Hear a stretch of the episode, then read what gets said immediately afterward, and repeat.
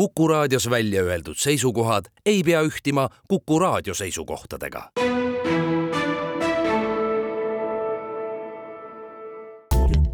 tähendused, teejuhid. tere, kaunist sügist.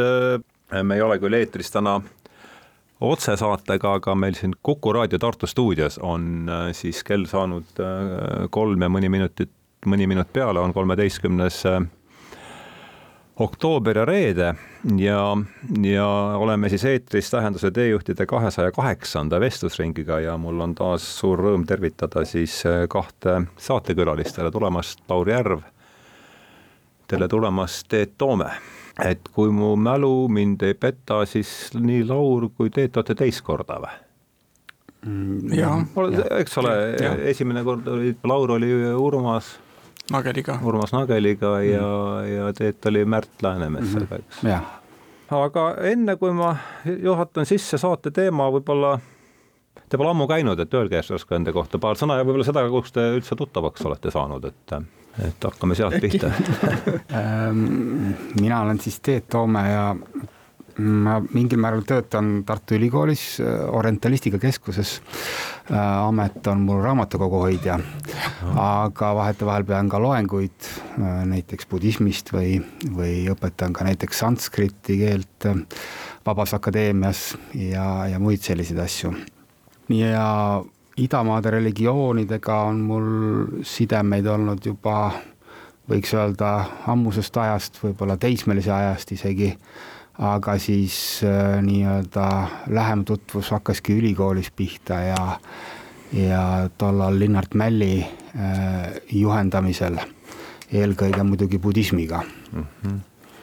aga kuna budism on ikkagi Indiast pärit õpetus ja, ja sealjuures siis ei saa mööda ka teistest India õpetustest, mida haaratakse üldmõiste alla hinduism, siis olen ääri-veeri ka nendega kokku puutunud kas võis olla, ma nüüd ei jõua järele vaadata, kas võis olla, et see oligi selle saate nimi, mis, kus te Märdiga käisite, oligi Vishnu unenägu vist, eks just, ole, just, just, just, jah, jah mm. -hmm. me vist oleme Teeduga sama aasta mehed, et aga minu, minu nagu akadeemiline taust on, professionaalne taust on füüsika, ma olen ülikoolis eh, teoreetilise füüsika kaasprofessor ja tegelen kosmoloogia ja mustade aukude ja niisuguste teemadega, aga samas nagu ka teed eh, juba teismeeast huvi pakuvad vaimsed õpetused ja jõudsin budismini.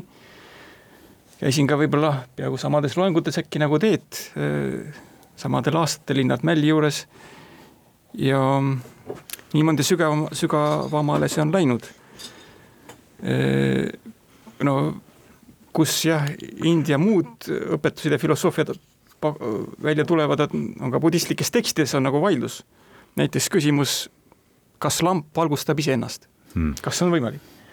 no tundub jabur, aga tegelikult sellel on väga sügav tähendus eh, just teaduse seisukohalt mm, -hmm. et eh, kas teadus on iseendast automaatselt teadlik või peab ta selleks pingutusi tegema ja sellel on sügavad järeldused ja, ja et neid noh, aspekte mõista, selleks on vaja aru saada, kuidas teised koolkonnad ja teised vaated sellesse teemasse suhtuvad mm. -hmm. ja mul on hea meel, et minu huvi on talutud ka siis Tartu Ülikoolis orientalistika seminaris olen saanud esineda ja akadeemilises, Eesti Akadeemilises Orientaalseltsis ja Usundilu seltsis ja ja ma kindlasti ei väida, et ma olen professionaalne India asjatundja aga ma loodan anda oma parima, et teemat siin avada. ja, ja teie tutvus ulatub aastate taha, ma kujutan ette või? Mm, no ma usun küll jah, ilmselt ka kuskil seal tõesti ülikooli ajal mm. -hmm. umbes kolmkümmend aastat tagasi. kolmkümmend aastat tagasi, jah mm. -hmm. no kena, meil on siin, seekord oleme isegi eelnevalt kokku leppinud sellise seitsmeosalise seitsmeosalise sõiduplaani, et, et katsume sellest siis enam-vähem kinni hoida, et et äh, see idamaade teema on siin, ei ole esimest korda jutuks. ja, ja see saade, mäletan, ma ei hakka praegu vaatama ka, et kus oli siis Teet ja, ja, ja Märt äh, Läänemets kandis pealkirja Vishnu unenägu. tänase saate töö pealkiri on, on siis Shiva tants ja mis seal salata, mind on järjest rohkem hakanud see India, kogu see ida, idamaade filosoofia pool huvitama. minu eelnevad kokkupuuted, olen pärit Rakverest, seal ei olnud India filosoofia minu lapsepõlves äh, kõige su-, see teema, et see on tulnud kõik hiljem ja, ja, ja siin võiks alustada üht ja teistmoodi seda asja, aga aga eks me kõik, aga ma üritan nüüd selle, selle plaani juurde tulla, et eks me kõik tuleme saatesse mingi oma mättaga ja ja minu suurim mätas on praegu see pooleliolev kursus, oluliste raamatute kursus, mida ma teen Estonian Business Schoolis. ja mille üheteistkümnes hooaeg on praegu käsil, igavene filosoofia, see on pühendatud siis Aldous Huxley'le, see Huxley on see nurk, millest, kust mina tulen äh, sellesse vestlusesse.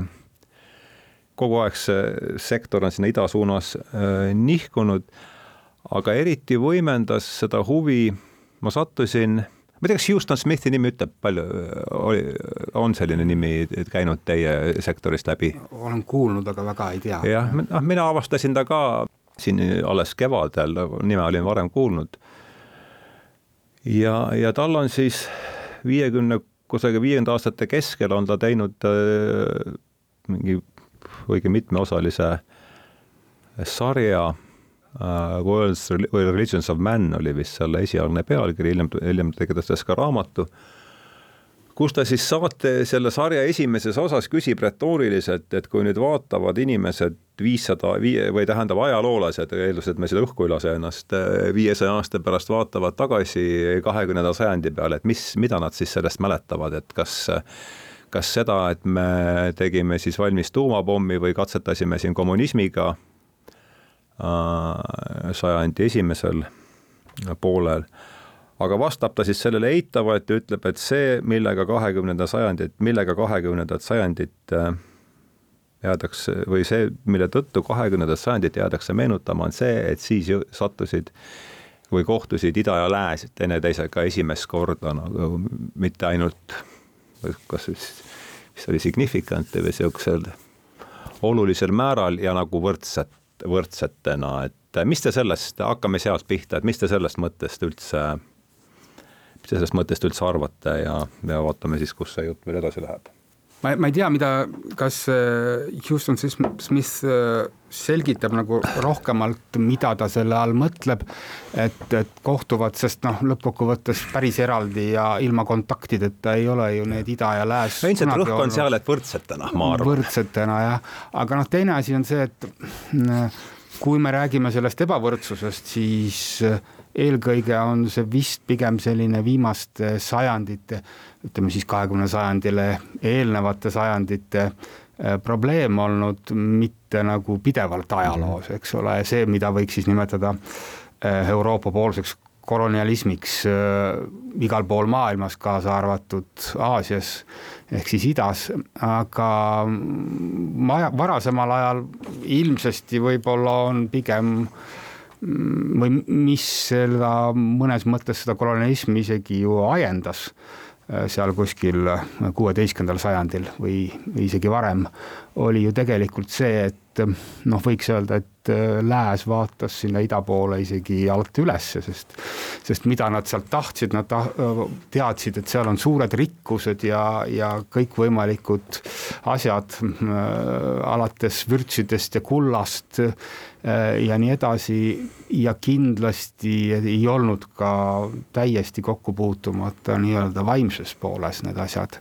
eriti kui me räägime võib-olla seal antiigist ja, ja, ja varasematest aegadest.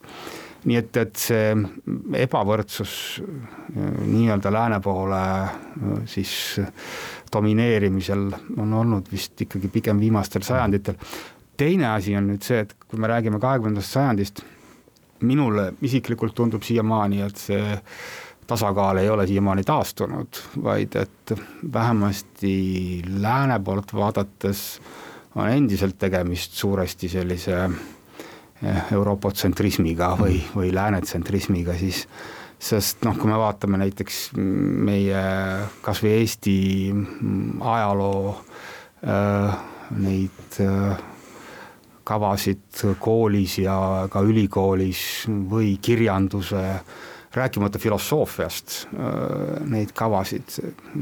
religioonid võib-olla on ainukene asi, kus asi on natukene paremini. aga kõikides ju käsitletakse ainult lääne peaaegu ainult lääne ajalugu, peaaegu ainult lääne kirjandust ja filosoofiat. filosoofia puhul isegi ei taheta tunnistada, et mujal kui Euroopas üleüldse mingisugust sellist asja nagu filosoofia päriselt olemas on. no see oleneb loomulikult autoritest, aga, aga endiselt neid on väga palju, kui te võtate lahti kasvõi hiljuti veel publitseeritavad filosoofia ajalood, siis need räägivad ainult läänest. nii et noh, see ei ole väga tasakaalus veel mhm. siiamaani, jah et lisaks äh, kullale ja vürtsidele, eks ole, Indiast tuli null. tulid ka intellektuaalsed ja seda nad ilmselt, seda nad ilmselt ei osanud oodata selle, sellega harimine võttis ikkagi ja. Euroopas päris tükk aega, et mm. usaldada nulli. jah noh, mulle tulevad mõned ajaloolised episoodid meelde, et eks ole, Makedoonia Aleksander jõudis Indiasse, vallutas mm -hmm. seal aga noh, tema oli seal lühikest aega, pooleteist aasta pärast pöördus tagasi. ja noh, Aleksandria järglasriik, selukiidid pidasid siis India järgmise impeeriumiga seal sõja, Mauri impeeriumiga. Ja leppisid niimoodi, et nad annavad need Induse jõe ääresed olevad provintsid siis ära, annavad ühe kuningatütre eh, Maurjatele naiseks ja saavad viissada elevanti. Mm mis siis võib-olla, ma ei tea, jõudsid kas äkki ka Pyrrhose armeesse siis kuskil seal kaugel lääne pool. aga igal juhul Selukiididel oli oma saadik seal Maurjate pealinnas Pataliputras ja mingisugune suhtlus toimus. kas see oli Maurjate või? Maurja on siis dünastia nimi. Maurjate jah. jah, Maurjat, nagu Osmanite siis ja, Maurjate jah.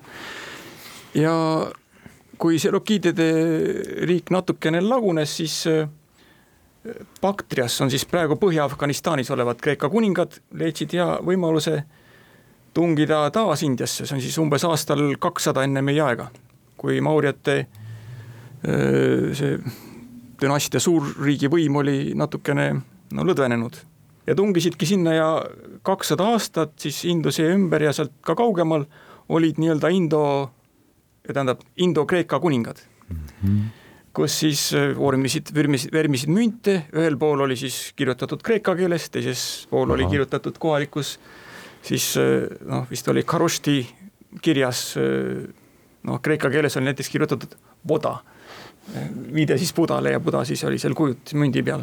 ja see on siis kaks või teine sajand enne, enne Kristust? ütleme aastal kakssada enne meie aega, kuni noh, vist oli aasta kümme meie aja järgi.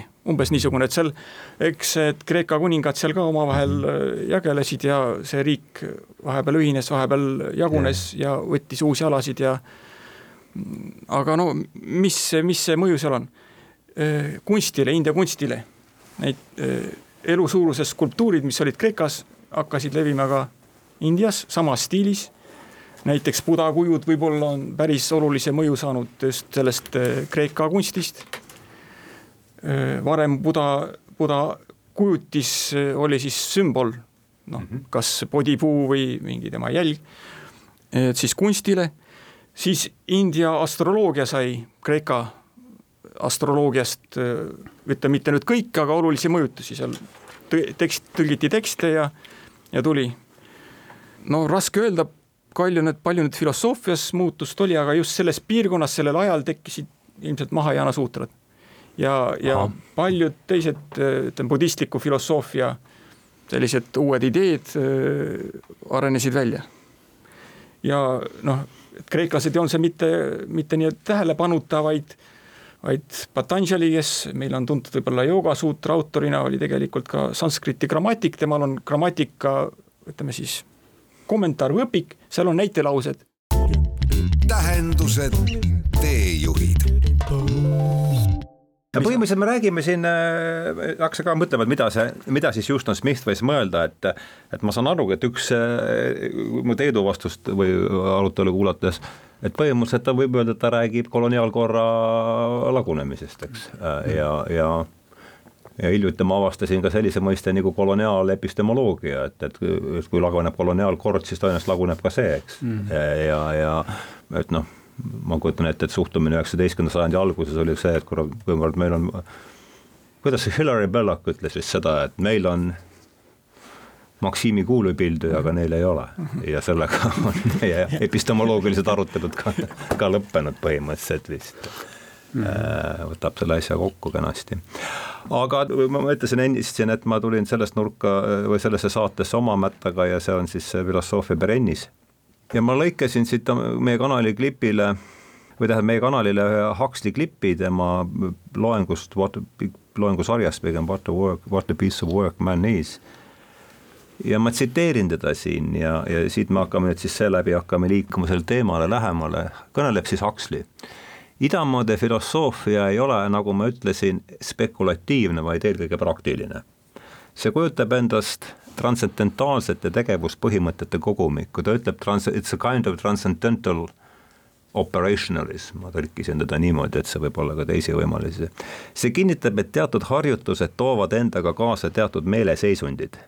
Nende meeleseisundite olemust tuleb uurida spekulatiivsete meetoditega ja kui me seda siis teeme, siis ütles nende meelte, meeleseisundite spekulatiivne analüüs viib meid aga just sellele järeldusele, sina oled too tatvam, tatvam maasi ja mis siis tähendab seda, et see ütleb, et viimase instantsi mina, mis on meie fenomenoloogilise ego vundament, on identne universumi jumaliku põhjaga, et siin on päris palju kaalukad teemad on kohe varsti laual, et eks me tuleme, peame seda ilmselt natuke tagasi tulema, aga aga no kõik see Atman ja, ja Brahman ja, ja, ja kogu siis selle noh, see filosoofia brennis ütleb ju seda, et nii vähe, kui mina sellest nüüd aru saan, et kõik maailma suured religioossed traditsioonid on mingid kasvanud välja mingist ühtsest sellisest müstilisest maailmatunnetusest ja nad üritavad siis oma, oma keele ja, ja, ja kultuuriruumis seda kuidagi mingisse, mingisse iseloomulikku märgisüsteemi äh, panna, et ega ma rohkem ei hakka siin küsimust rohkem täpsustama, et märkisin sektori ära ja palun teil siis võib-olla siin kaasa arutada, et, et ida, võib-olla just see, et eelkõige, et idamaade filosoofia, väidab Huxley, ei ole mitte spekulatiivne, vaid eelkõige praktiline. ja noh, siis võib muidugi lääne õpetlane küsida, et kas ta siis üldse on filosoofia, eks et võib-olla on tegemist, praktiline müstitsism oli hea, mis me vist ütles Laur selles kirjavahetuses, käis niisugune mõte läbi, aga nii, ma nüüd jään vait mina olen põhimõtteliselt, tähendab vähemasti algselt selle Huxley seisukohaga väga nõus ja, ja ja see ongi huvitav, et no ilmselt Huxley vist sealsamas kuskil ütleb ka, et ega see ei ole ka läänes kogu aeg niimoodi olnud, et just, just. et äh, ja. ilmselt see filosoofia näiteks, mis seostub äh, kristliku teoloogiaga, aga ilmselt ka varasem antiikfilosoofia on olnud suuresti ka äh, noh, kas ainult praktiline, aga selle praktilisusega seotud, et on olnud ikkagi oluline, mis selle filosoofia tulemus on, eks ole, mitte, aga uusaegne filosoofia ja eriti viimaseaegne filosoofia tõepoolest tundub olevat selline, et oluline on ainult teada saada ma teen ilmsesti liiga praegu lääne filosoofiale, kui ma seda ütlen, aga, aga mingis mõttes, et oluline on teada saada, mis on või, või võib-olla isegi kuidas on. aga mida sellega edasi peale hakata, see on nagu isegi häbiväärne sellega tegeleda kuidagi mm, -hmm. et see just see, et kui me räägime siis meeleseisunditest või sellest, kui jällegi ilmsesti kokku võtta seda nii-öelda idapoolset asja, mis jällegi see mingit ida ei ole ju olemas, seal on väga palju erinevaid äh, äh, lähenemisi ja õpetusi. aga mõnes mõttes, et äh, see lause võiks olla umbes selline, et kui filosoofia ei tee sind õnnelikuks, siis mõttetu filosoofia. ehk siis ühesõnaga, ta peab kaasa tooma mingisuguse mm -hmm. positiivsema seisundi inimese jaoks. nüüd mulle isiklikult tundub, et lääne filosoofid tegelevad ka selle positiivse seisundi otsimisel, ainult et see tuleb nii-öelda kaasnähtusena, ehk siis äh, mõnedele inimestele väga meeldib mõelda lihtsalt ja meeldib mõelda väga sügavate asjade peale ja kui sellesse seisundisse sisse minna e, ja jõuda tulemusteni, siis on ka väga meeldiv seisund mm. ja kas see on ainult see tulemus, mida nad taga ajavad, nad noh, et teada saada, mis on või korrektne teadmine, vaid võib-olla nad natukene on või võib-olla päris palju on siis tegelikult ahjendatud võib-olla enese teadmata sellest vajadusest noh, tekitada ka mingisuguseid keemilisi reaktsioone oma ajus, mis on meeldivad seisundid lihtsalt selle mõtlemise tulemusena mm. -hmm. aga see on lihtsalt minu hüpotees, võib-olla, võib-olla see nii ei ole. Aga, aga tõepoolest ja jah, ja teine asi, me peame mõtlema selle peale, et, et tõesti ida äh, ei ole mingisugune üks asi, eks ole, ei ole äh,, ma tihtipeale ütlen, et mis ühendab Süüriat ja Jaapanit, et noh, mitte miski praktiliselt. aga mm. meie jaoks on see kõik ida ja noh, võib-olla see on see põhiline, kui me võime üldse rääkida sellest kolonialismist äh, mõtlemisest, siis see on nagu see põhiline asi, et me tahame mingisugused asjad kõik ühte patta panna, mis mm -hmm. sinna ühte patta üldse ei kuulu äh,. et kindlasti on seal idas ja kui me räägime siis võib-olla siin natuke rohkem Indiast tõepoolest, kuna jutt on Shivast, siis äh, ka Indias väga erinevaid äh, mõtlemisi väga erinevaid filosoofia koolkondi on läbi ajaloo olnud ja on siiamaani. Äh, ja, ja kui me siia siis haarame veel juurde näiteks Hiina maailma, siis, siis asi läheb veelgi kirjumaks ja me ei, kuidagi ei saa öelda, et, et see on et seal on mingisugune ühtne asi, mida me saame ühtselt määratleda ja nii edasi mm. -hmm.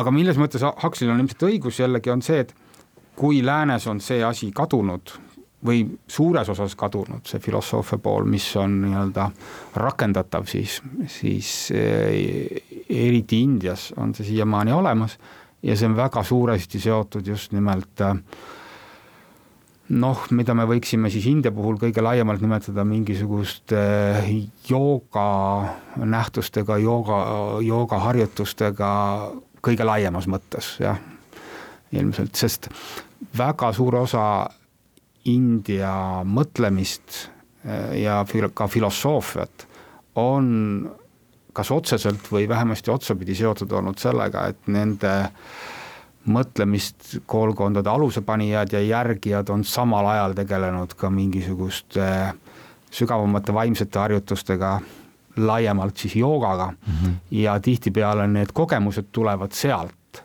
yeah. ja see filosoofia on tihti nende kogemuste süstemaatiline mm -hmm. väljendus. no täpselt, mida Huxley ütles, et spekulatiivsete meetoditega üritatakse neid kogemusi.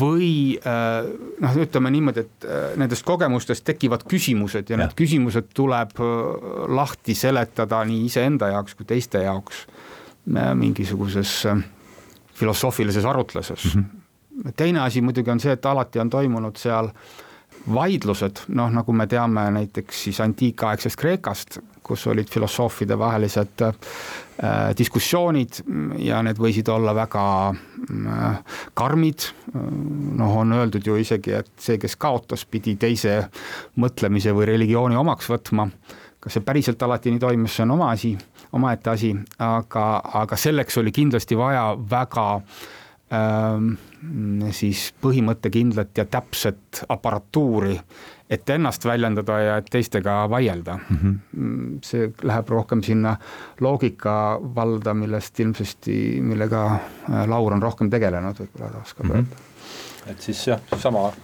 sama sektor.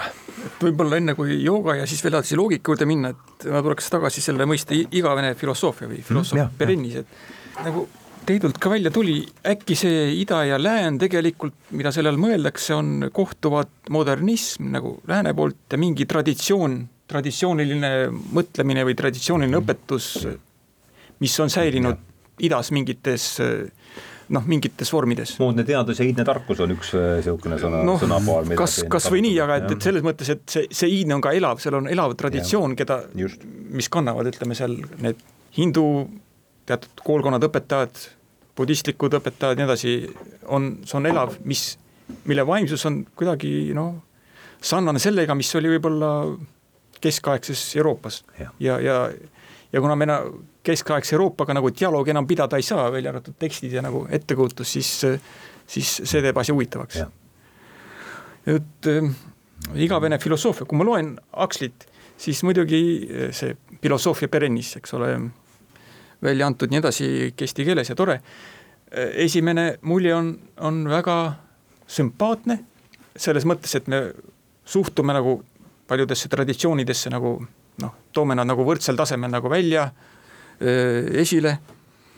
aga natuke süvenedes siis või süüvides, siis tundub, et see jutt on pisut ümmargune. et, et ei ole nagu sellist konkreetsust. ja võib-olla asi ongi selles, et, et see selline igavese filosoofia lähenemine jääbki noh, pinnapealse jutu tasemele, sest kui minna konkreetseks hakata võtma, siis tulevad juba välja nende erinevate traditsioonide, mis siia kokku on pandud, nende erinevused mm. -hmm. ja võib-olla isegi ühildamatus mm. -hmm. ja siis see ilus pilt kaob ära. aga ma ei tea, kas Huxley nagu ise taipas, et tegelikult see, mis ta teeb, on üks, üks põhiline, kuidas öelda, trende või suunavaid jõude üldse mõtteloos.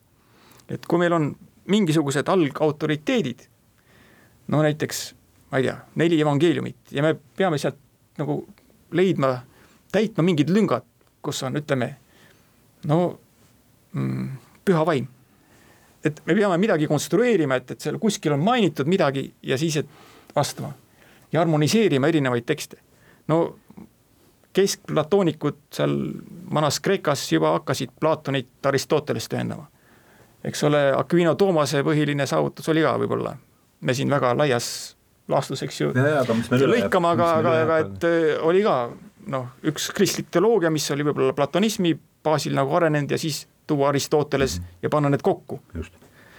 renessansi ajal oli üks väga tore tegelane Pico della Mirandola mm, -hmm. kes, kelle, kelle trükitud raamat vist oli esimene, mis pandi no. see oli mingi kakskümmend pluss vist, kui ta selle. jah, jah, kakskümmend kolm aastat vana ja, ja tema ja esimene raamat, mille katoliku kirik siis pani kirikuvande alla, ühesõnaga või noh, pani kinni, et äh, ei tohtinud avaldada või tähendab, keelati ära, ühesõnaga keelatud, esimene raamat keelatud raamatute nimekirjas.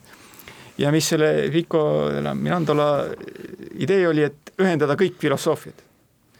nii, nii kristlik kui, kui noh, Vana-Kreeka omad, kui, kui ta võis ka sisse mingit hermetismi ja, ja kabala ja ühesõnaga täielik noh, üheksasada teisi ja kõik on ühendatud ühte süsteemi ja ta oli valmis selle üle väitlema. see näitab, et noh, kogu selles mõtteloos on toimunud niisugune alati protsess, et ühe, ühendada, siluda ja sellega need süsteemid muudkui kasvavad. meil on mm -hmm. kaks salg, ütleme mingi, mingid vundamendiplokid ja siis me peame neid ühendama ja siis neid ühendustest tekivad uue, uued mõisted, uued ideed, mis tuleb ka kõik ühendada ja niimoodi kasvavad süsteemid. Et aga nüüd selle, selle hägususe poolest, et, et sümpaatsem kui see iidne igavene filosoofia, mulle tundub teine lähenemine, mida, mis äh, oli Tiibetis üheksateistkümnendal sajandil. selle nimi on Riime. et äh, kirjutatakse nelja tähega või? noh, põhimõtteliselt jah, tiibeti mhm. keeles on ris-med kirjutatakse. Aga, aga, aga siis noh, Tiibetis olid ka omad koolkonnad ja need ka vaidlesid ja tegelikult oli ka niimoodi, et pandi ka tekste pitseeriti, mitte ei põletatud, aga no pitseeriti kinni raamatukogu kinnisesse ruumi mm. -hmm. et erifondi. jah, erifond, nojah, just nimelt jah, et, et ja noh, eks selle taga oli ka poliitika, nii nagu muidugi lääneski, et aga aga siis need üheksateistkümnenda sajandi õpetlased oli näiteks Jamgon Kongtrul ja Wangpo ja seal oli teisigi, kes tahtsid tuua noh, kõik need nii väiksed kui suured õpetuse liinid taas võrdselt esile ja nad kogusid seal neid haruldaseks läinud liine. tähendused, teejuhid. Ja, ja tihtipeale seal on, seal on ka just nimelt, et see on, enamasti räägitaksegi ainujumalast, aga sellel ainujumalal võib olla väga palju erinevaid väljendusi, eks ole, mis, mis iganes, aga, aga põhimõtteliselt on see, see ainult Jumal ja see, see Jumal tähendab seda, et see on siis äh, see on kõik, ühesõnaga, et kõik, mis toimub, on tegelikult võiks öelda Jumal ja, ja kõik kogemused on enam-vähem Jumala kogemused. -hmm. aga siis võiks siis öelda, mõned on võib-olla natukene sügavamad kui teised -hmm. jah. No kena, aga nüüd on veerand tundi natuke vähemgi jäänud, et ma loeks selle koha ette, mis mul ütleme siin jah, viimasel ajal on mu mõtle- või teemade valikut eelkõige siin palju mõjutanud, see on siis David Lorimeriga intervjuu kolmekümne esimeses lehes. Siin läks juttu ühele, hüppas ta siis, et ühele Iiri kirjanikule, filosoofile, ja see on minu küsimus siis, et John Moriarty arvas, et järgmine suur teadusrevolutsioon saab olema just nimelt epistemoloogiline ning selle käigus jõutakse põhimõtteliselt uute teadmiste hankimise viisideni, see on nüüd minu küsimus, te olete temaga tõenäoliselt ühel meelel.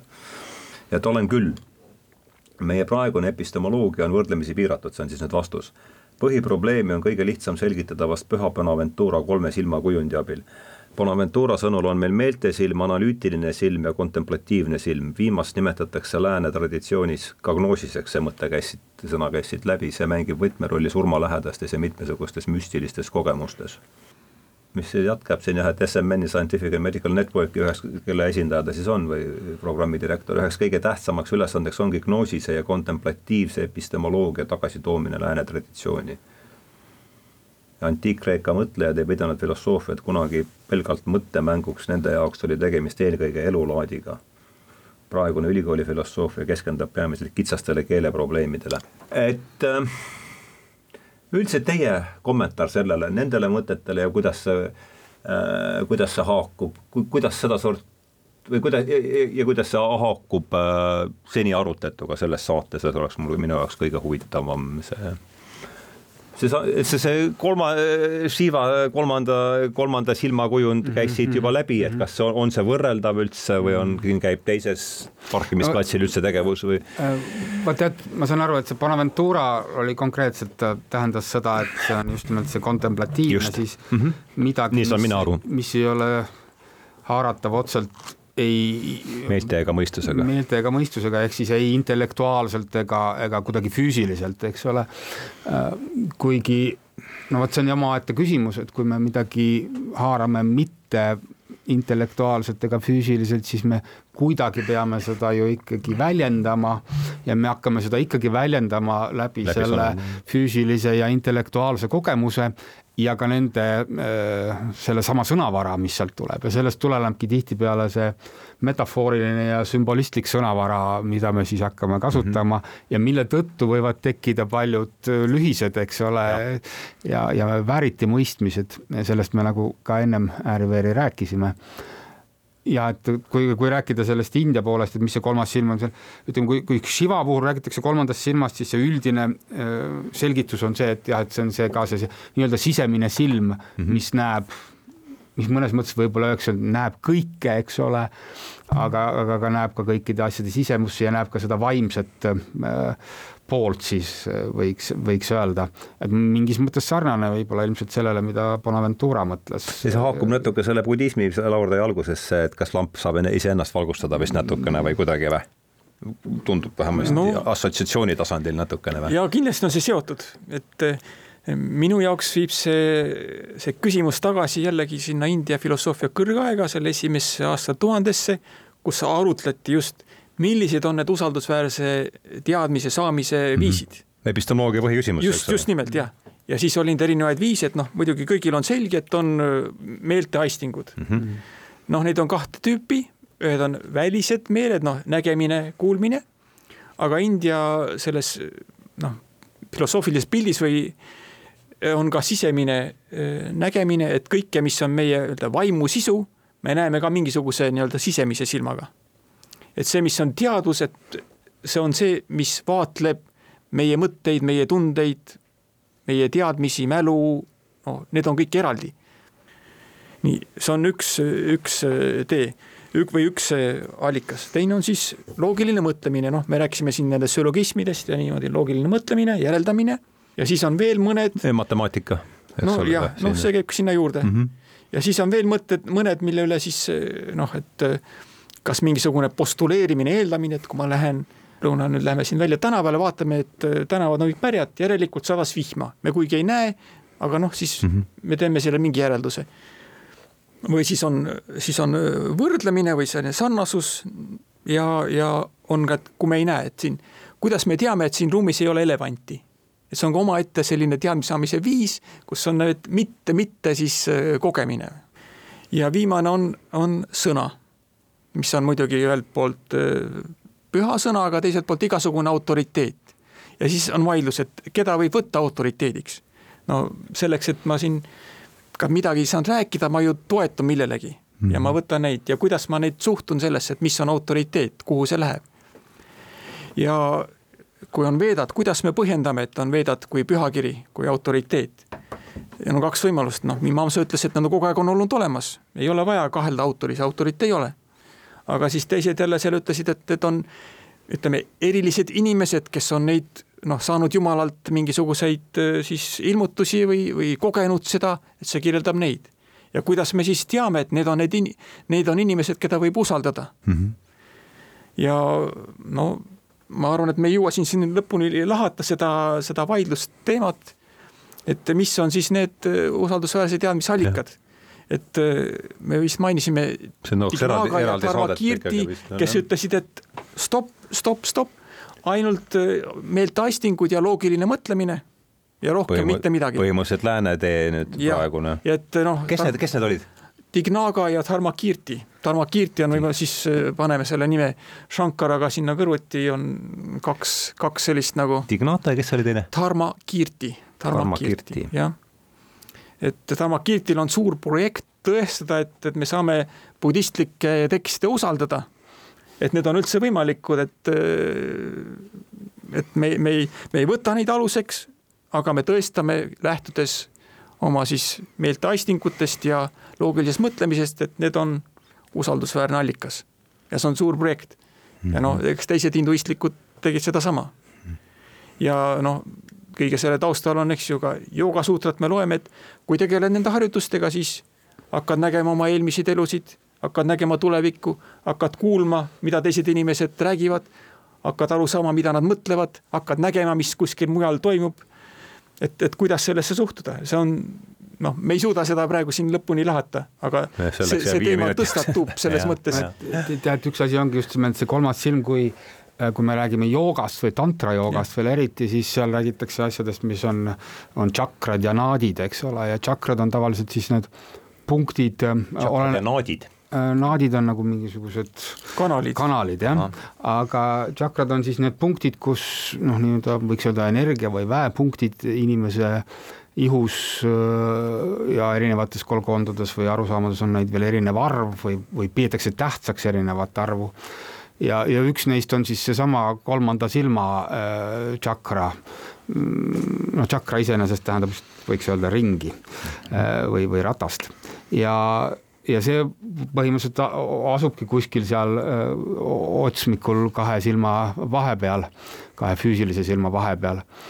ja, ja no põhimõtteliselt ta ongi seotud selle äh, intellektuaalse osaga inimeses, võiks öelda äh, mõistelise osaga ka inimeses, aga nüüd miks ta see kolmas silm on ja miks ta selle koha peal on, on jällegi, et sellega seal joogas ja tantrajoogas seostuvad vastavad harjutused, mis peavad siis selle, võiks öelda, noh siis aktiveerima või, või paremini tööle panema mm. -hmm.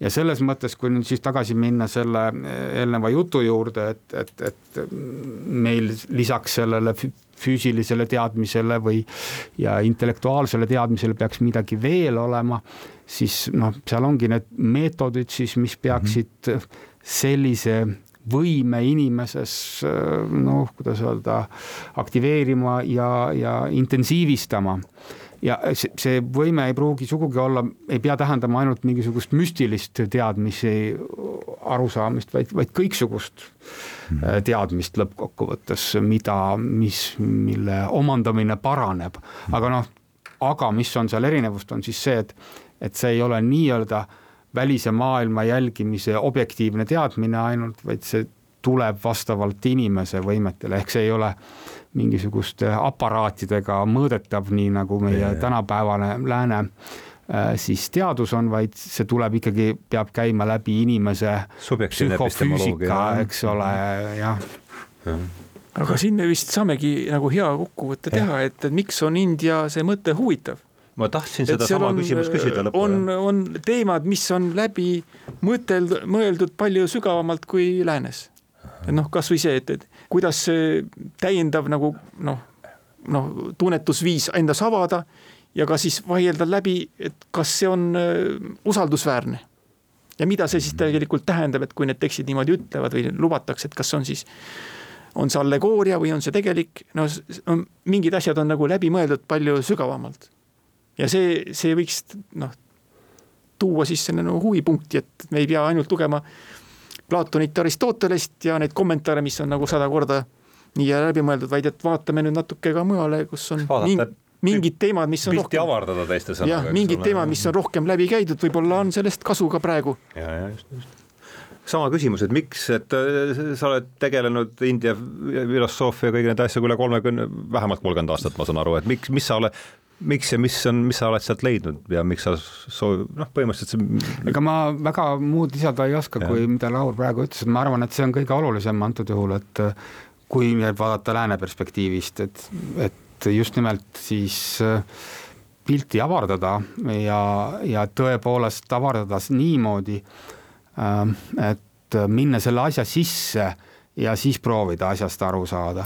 mida tihtipeale on tehtud läänest, vaadeldes neid India või muid filosoofiaid ja isegi kui neid on siis nii-öelda tõsiselt võetud ja filosoofiatena võetud mm, -hmm. siis äh, lähenetakse sellele äh, lääne terminoloogiast, filosoofilistest terminoloogiast lähtuvalt ja tegelikult ka ei jõuta mitte kuhugi, sellepärast et see tulemus või see, millega tegeletakse, on ainult see, et vaadatakse, et et kas see mahub selle mõiste alla, mis meil läänes olemas on või mitte, eks ole. ja kui ei mahu, siis on ebateadus. nojah, ja siis ei osata sellega midagi peale hakata, proovitakse seda kuhugi mujale veel sobitada, aga noh, see jääb ikkagi pinnapealseks ainult ja tegelikult ei, ei õpeta meile midagi mm. -hmm tuleb meelde see üks Rupert Sheldrake'i, kes noh, selgelt on minu mõtlemist siin palju mõjutanud, et et Indian philosophy has pursued every conceivable line of thought või mis siis tähendab seda, et mm. India filosoofias on kõik võimalikud mõtted läbi mõeldud, kuidas teile, mis te sellest mõttest arvate kõige lõpuks,